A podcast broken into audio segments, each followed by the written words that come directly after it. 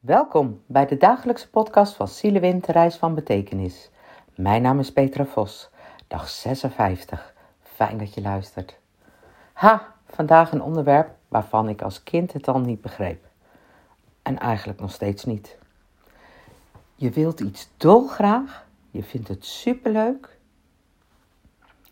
Nee, toch maar niet. Ik heb dat nooit begrepen. Waarom doe je zo gemeen tegen jezelf? Waarom ben je zo krenterig? Je vindt het superleuk, je droomt ervan. En toch, nee, je mag het niet doen van jezelf.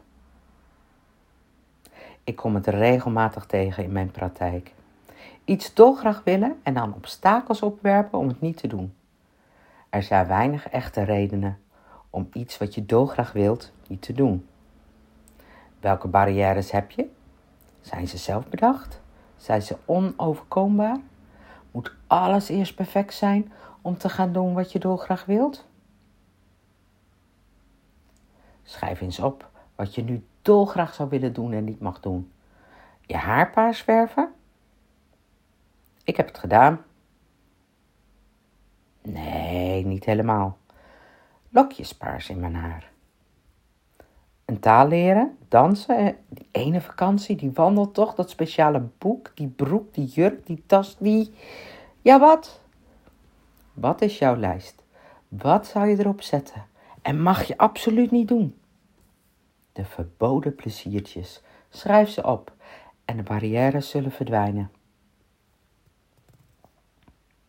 Ga nu zitten en schrijf heel snel zonder nadenken een wensenlijst op. Maak het frivol, groots. Wat wens je vooral? Wensen zijn toch maar gewoon wensen.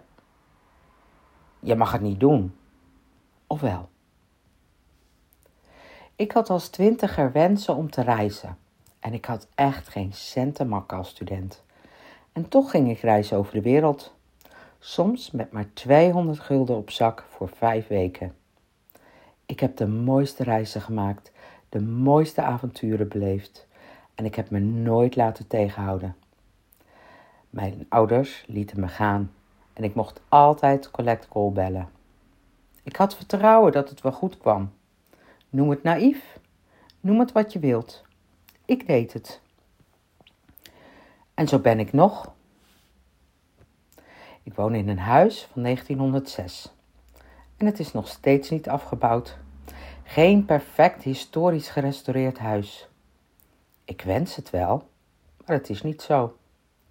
Ik werk er zeker aan, stukje bij beetje. Wacht ik dan om te genieten van het comfort die het huis mij biedt en van de plek waarop het staat?